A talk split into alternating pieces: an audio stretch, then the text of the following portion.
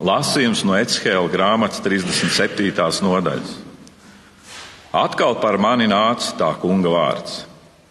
Cilvēka bērns ņem koka vēzdu un raksti uz tās. Jūdam un ar viņu apvienotiem Izraēla bērniem. Tad ņem vēl vienu koka vēzdu un raksti uz tās. Jāzepam, Efraima un visa ap viņu apvienotā Izraēla nama vēzda. Tad saliec abas vēzdas kopā, tā kā tās ir tikai viena vēzda tavā rokā. Kad nu tavi tautas brāļi tev jautās, vai tu mums nepaskaidros, ko tas nozīmē, tad atbild tiem. Tā saka Dievs, tas kungs. Redzi, es ņemšu Jāzepa vēzdu, kas ir Efraima rokā, un ar Jāzepu sabiedrotās Izraēla ciltis, un to pievienošu Jūdas vēzdai, un abas padarīšu par vienu kopēju vēzdu. Kā tas būtu viena manā rokā. Kad tu vēzdas, ko tu aprakstīji, turēji savā rokā viņu acu priekšā, tad saki tiem, redzi, es izvedīšu Izraēla bērnus no tautu vidus, kur tie aizgājuši. Es tos salasīšu kopā un atvedīšu atpakaļ viņu pašu zemē, saka Dievs tas kungs. Es savienošu tos par vienu tautu, tur tai zemē, Izraēla kalnos, un viens vienīgs ķēniņš valdīs par to. Tie nebūs vairs divas tautas, un nebūs vairs divas valstis. Tad tie vairs neaptraipīsies ar saviem elkiem un ar kalpību tiem un ar saviem pārkāpumiem. Es tiem piedošu visu uzticības laušanas gadījumus, kādos tie apgrēkojušies, un es to šķīstīšu. Tad tie būs mana tauta, un es būšu viņu dievs. Mans kalps Dāvids būs viņu ķēniņš, un tiem visiem būs viens gans.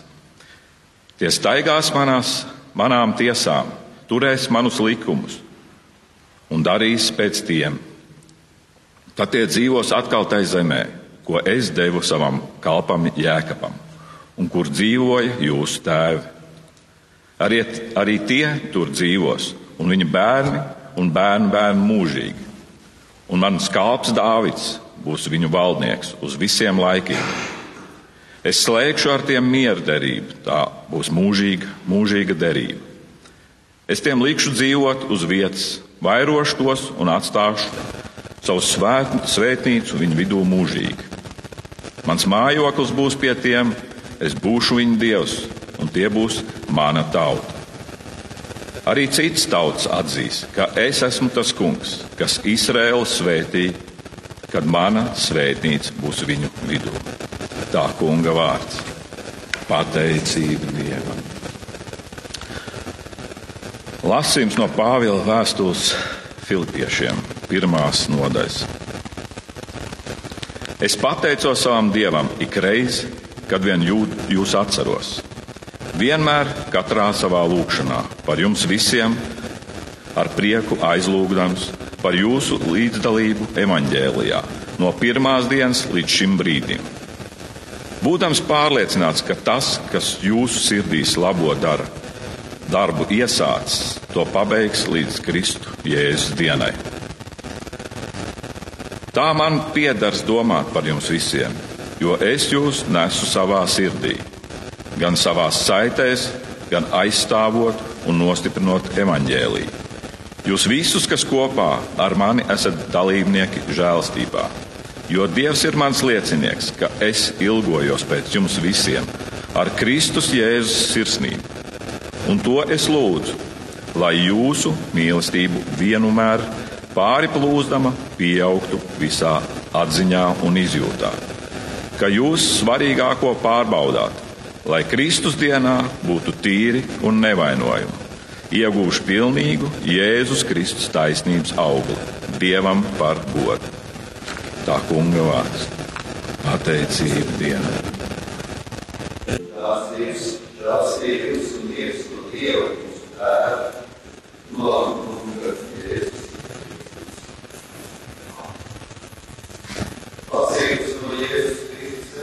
India were the big cities left as contests. There is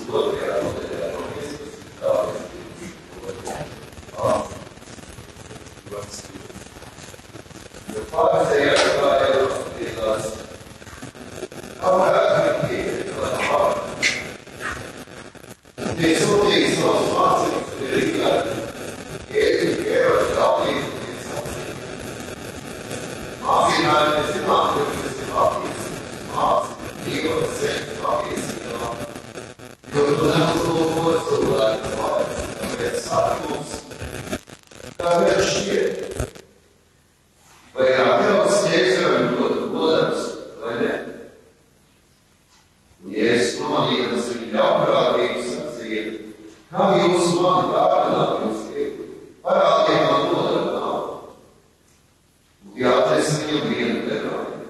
svētais pateicis.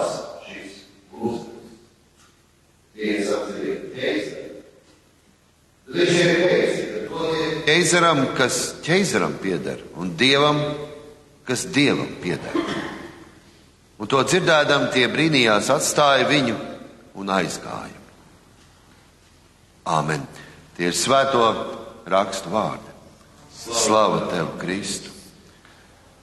Vispēcīgais un mūžīgais Dievs, mēs tev no sirds pateicamies par šiem vārdiem, kas ir un paliek mūžīga patiesība. Dod, kungs, ka šos tavus vārdus mēs varam ierakstīt savās sirdīs, pēc taviem vārdiem dzīvot.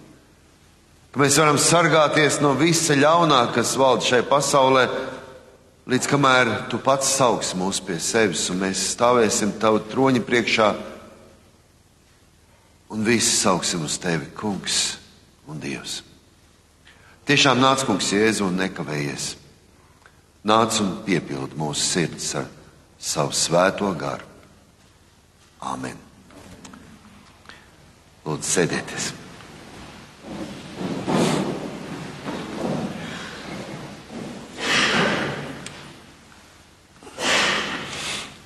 Tad, kad mēs parasti vērtējam savus dzīves ceļus, jeb to, ko mēs esam savā mūžā varbūt sasnieguši vai panākuši, vai kaut kādā veidā mēs esam to savu laiku šeit, šajā kā to parasti saka, žēlstības laikā piepildījuši, tad, ja mēs varbūt nedomājam par tām lietām, kas ir kā, nu, teikt, pāri mūsu dzīves robežām, tad visbiežāk mēs ievērojam, ka ļoti daudz ļaudis, arī mēs tā skaitā, uh, baidāmies. Baidāmies par tām vērtībām, ko mēs savā dzīvē esam piedzīvojuši vai nolikuši kā tādas ļoti vērtīgs un augsts, ka mēs tās varam pazaudēt. Un viena no tām vislielākajām vērtībām, ko mēs vienmēr arī viens otram novēlam, ir sevišķi tad, kad tiekamies, piemēram, dzimšanas dienā, kas tad ir tās tie sveicieni, ko mēs tā kā nu, vēlam. Laime, prieku, veselību, vai ne? Tās tās viens no tām lietām, kuras droši vien visvairāk taisa nepieciešams, ir īpaši, es domāju, ka vecākā gadagājuma ļaudīm tas ir ļoti vērtīgi, ne, ka mēs varam novēlēt un lai arī tas arī piepildās. Faktiski tas ir tas, par ko mēs visvairāk arī visbiežāk arī uztraucamies. Pazaudēt to, kas ir visdārgākais. Savā laikā arī farizējiem likās, ka Jēzus ar savu mācību, ar, ar saviem darbiem, ar to, ko viņš darīja, ka viņš piesaistīja tik daudz tautas uzmanību uz sevi, ka viņš būs tas, kas aizvedīs jūdu tautu viņiem nekontrolējamā tādā nepaklausības ceļā. Proti, kad arī apdraudēs un īstenībā arī apdraudēja viņa labklājību, pat dzīvību. Jo viņi zināja, ko nozīmē tad, ja Romas ķeizars padzirdēs par kaut kādu sadumpošanos. Ja būs kādi nemieri, tad noteikti viņš rīkosies. Pharizēja dievu svētību patiesībā saprata kā tādu reālu lietu sakārtotību šajā pasaulē. Un arī mums reizēm šķiet, ka nu, Dievs taču ir kārtības Dievs. Un tad, ja viss ir sakārtots, ja viss ir pa plauktiņiem, ja viss ir tā, kā tam ir jābūt, tā, no nu, tādā šķīstībā, kārtībā, tad noteikti tas ir tas, kurā tad darbojās lielā Dieva svētība, Dieva žēlstība. Ka ir sakārtotas mūsu attiecības ģimenēs? Tā ir liela Dieva svētība. Ja mums viss finanses jautājumi ir sakārtojušies, tā ir liela Dieva svētība. Ja miers ir pasaulē un nekādas bumbas nekrīt uz galvas un nešauj logos, tā ir liela Dieva svētība. Dievs ir svētītājs. Un zināmā mērā tur savu daļu taisnības tajā ir. Un tomēr vai tikai tajā? To, ko Jēzus sludināja, to, ko Jēzus ar vienu saka arī šodien caur savu vārdu, liek mums domāt un skatīties dziļāk. Nevis tikai šajās āršķirīgajās pasaules kārtības kaut kādās normās, kur ir svarīgi, lai mums ir veselība, kur ir svarīgi, lai mums ir miers virs zemes un cilvēkiem labs prāts, bet kaut kur dziļāk, vairāk. To sauc par mūsu dvēseles stāvokli. Tas ir tas, kas, uz ko visvairāk ir patiesībā mums ikvienam jāpievērš uzmanība. Ir kādas lietas, kuras ir pakārtotas mūsu dzīvē, bet mēs, mēs bez tā nevaram iztikt vismaz šajā laikā un šajā pasaulē. Ne. Bet ir kas tāds, kas ir būtisks un svarīgs mūsu nākotnes perspektīvā, mūsu stāvoklī attiecībā pret Dievu. Kā ir ar mūsu grēksūdu? Kā ir ar mūsu dvēseles stāvokli Dievu priekšā? Tas, ka cilvēki raudzījās, un ar vienu šodien arī dažkārt raug, raugās uz Jēzu kā uz tādu, um, tādu brīnuma piepildītāju. Mēs ceram uz viņa brīnumu. Mēs ceram uz viņa palīdzību, un dažkārt, es domāju, ļoti bieži tas arī notiek. Un tomēr. Ziniet, kādu laiciņu apakaļ man bija kāds notikums ar kādu cilvēku, kurš nāca un lūdza pie manis palīdzību. Nebija ne praktiski, bet taisni garīga palīdzība. Un es, es viņam saku, bet viens ir tas, ka tu jūties nevajadzīgs, ja tu esi savās atkarībās iekritis un tu jūties kā tāds grēka vergs. Un ļoti labi, ka tev reizēm arī nu, tev pasaka, ka Dievs ir mīlestības Dievs. Viņš arī tevi mīl, lai vai kāds to esi. Tas reizēm ir, kad, kad cilvēks, kurš ir kritis, grēkā kritis, kaut kur ir sasities, un viņam ir šīs rētas, šī asiņojušās, pužņojušās rētas, kuras ir jāsakop, jāsatīra. Tas ir, ziniet, dažkārt cilvēki pie mums nāk un vēršās kā pie tādiem doktoriem, kas uzliks plāksteri. Un mēs uzliekam plāksteri, un tad uz to brīdi liekas, viss ir labi. Bet vai rētas ir sadzījušas?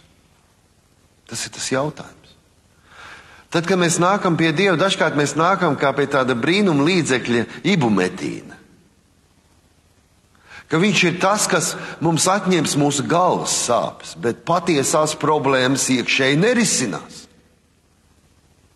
Un taisn, tā ir tā mūsu sāpīgākā lieta, ka mēs zinām, kas ir mūsu vaina. Ka tas nav tikai tās mūsu izdarīto lietu rētas, bet gan kas dziļāks. Pharizēji nāca pie Jēzus, baidīdamies par savu dzīvību. Viņš saka, ko, jūs, ko Jēzus dara? Ko viņš dara šeit, šajā pasaulē, nākdams? Mudinādams tautu uz nemieriem, viņi baidījās. Un dažkārt arī šodien šai pasaulē, kad mēs ejam, daudzi baidās. Mēs paši reizēm baidāmies. Kāds būs mūsu dzīves piepildījums? Jēzus dziedināja, viņš veltīja daudz svētības vārdus. Bet savukārt tiem, uz ko, kas domāja, uz tiem cilvēkiem, kas domāja, ka mēs esam tik tuvu Dievam, mēs piepildām viņa baušas, mēs piepildām viņa likumus, mēs gribam mieru šai pasaulē, mēs turamies pie šīm viņa no, priekšnoteikumiem un visām šīm kārtībām, pret tām Jēzus taisni visbiežāk vērsās skarbi, nosodoši. Kāpēc? Kāpēc ir jānosoda tie, kas patiesībā piepilda liekams, šķietami Dieva vārdu, burtiski?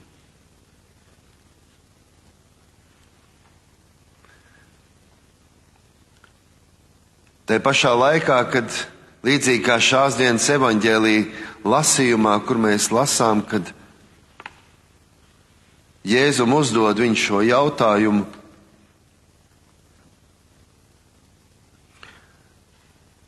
vai ir, jā, vai ir atļauts ķēzaram dot nodevs vai nē, šajā provokācijā. Ziniet, līdzīgi tāpatām kā šis cilvēks, kurš man nāca un, un, un, un, un uzdeva šos jautājumus un visādos veidos patiesībā provocēja. Viņš saka, tu esi mācītājs vai nē? Esi? Tu esi kristietis vai nē? Tevs pienākums ir palīdzēt. Un es tagad pārbaudīšu, kāds tu esi. Vērtīgs vai nevērtīgs. Ziniet, dažkārt mēs rīdzīgi rīkojamies arī tajā brīdī, kad mēs gribam pārbaudīt, Jēzu, kāds tu esi. Tu esi patiesīgs, labs vai nē. Uz ko Jēzus viņam saka? Jūs liekuļi, jūs esat liekuļi. Kāpēc jūs mani kārdināt?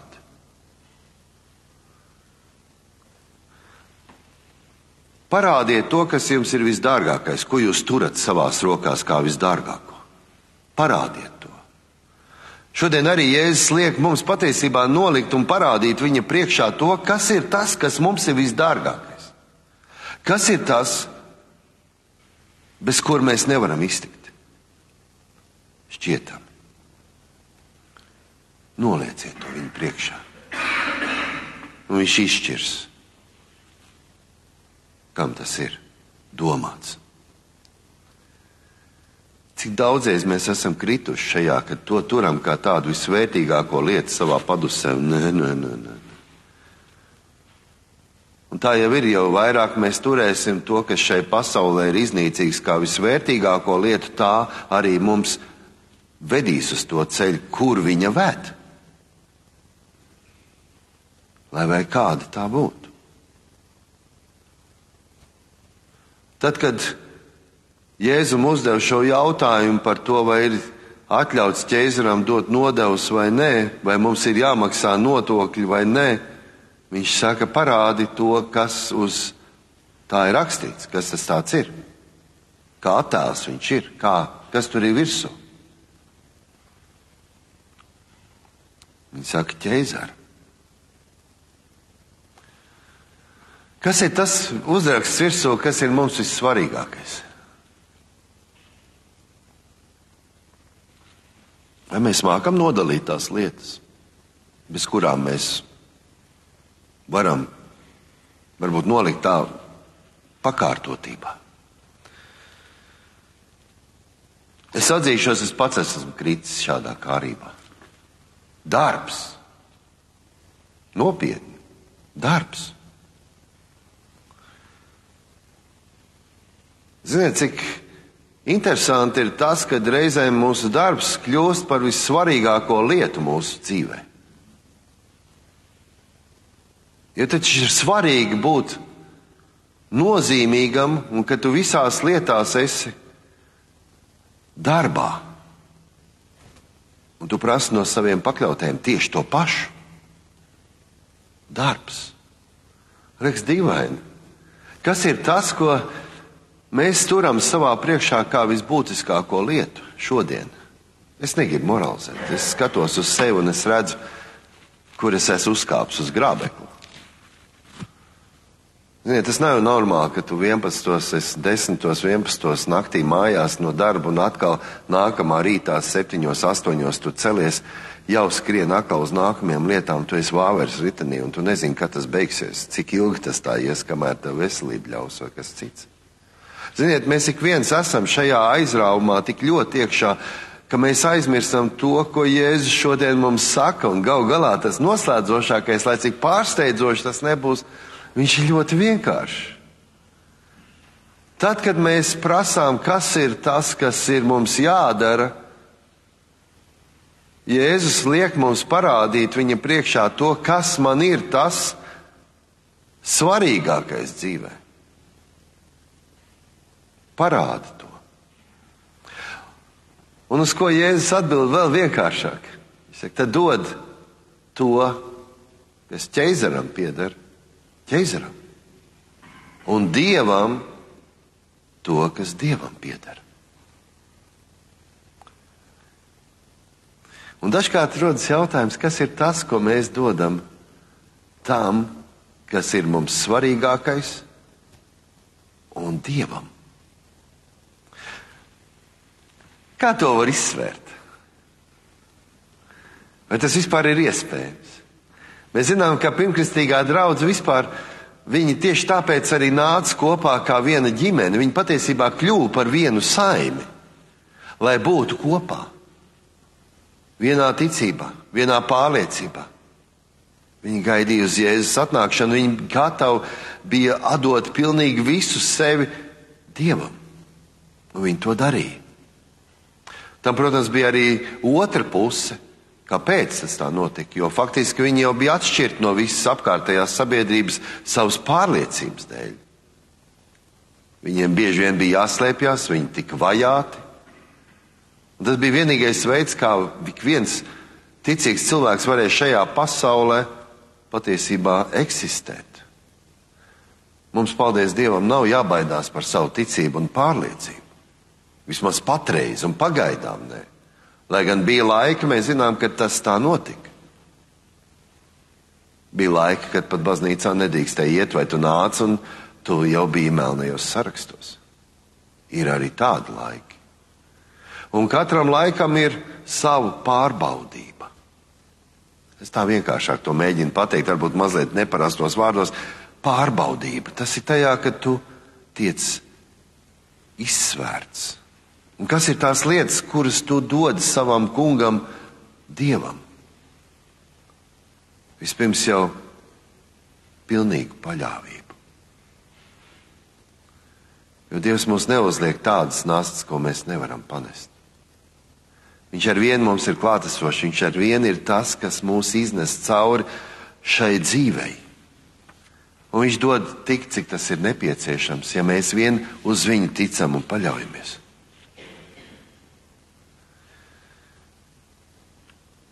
Jo Jēzus jau nenāca šai pasaulē mums līdzīgi tāpat kā šis cilvēks, kurš man bija pārbaudījis, viņam saka, bet kāpēc tu domā, ka šai pasaulē mums visam jānotiek pēc knipīša? Un vēl jau vairāk, kas tev ir teicis, ka šī pasaule tev būs paradīze zemes virsū? Kas tev to ir teicis? Šī pasaule ir grēka pilna. Mēs esam tādi, kādi esam, un tomēr Kristus ir nācis, lai mūs vestu tuvāk Dievam, vēl vairāk, lai nestu pie Dieva. Viņš ir tas, kas ir mums dots, lai mēs nonāktu uz mūžības ceļa. Viņš ir mūsu norāde, viņš ir mūsu aicinājums. Viņš arī ir mūsu brīdinājums, ka mums ir jāpilda tas, ko Dievs mums prasa, un jāpild arī tas, ko ķeizars mums prasa. Es zinu, ka ļoti daudz pasaulē joprojām ir daudz viltīgu. Daudz dažādu viltību, daudz dažādu pēdiņās gudro, kur visādos, mēģina, visādos veidos mēģina izskaidrot vienu vai otru vai trešo lietu. Bet es zinu arī to, ka mums ir ļoti maz patiesi ticīgi cilvēki. Un tomēr Dievs ir žēlīgs pār šo pasauli. Un dod mums atgriešanās laiku. Un to sauc par žēlstības laiku. Un paldies Dievam, ka mums tāds ir. Un mēs ar vienu ieraugot to, kas notiek mūsu dzīvēs, mēs varam vienkārši tam visam skatīties ar to žēlstības skatu. Kungs, esi man grēciniekam žēlīgs, dod man spēku piecelties un atzīt, ka es kļūdos. Atzīt savās kļūdās un ka tu katru mūsu vainu dari par svētību. Jo mēs jau ne jau tajā, labi, tajā labajā situācijā kļūstam stiprāki ticībā, bet taisni caur pārbaudījumiem. Lai Dievs, Dievs dod mums spēku, ka mēs ieraugām viņa svēto prātu, viņa žēlstību ne tikai tad, kad mums visa kā ir gana, un mēs varam laimīgi diet kā mazi bērni un ne par ko neuztraukties, bet taisni tad, kad mūsu dzīves pamati ir satricināti, ieraudzīt viņa žēlstību, viņa iepriecinājumu, viņa svēto prātu. Jēzus vārdā. Amen.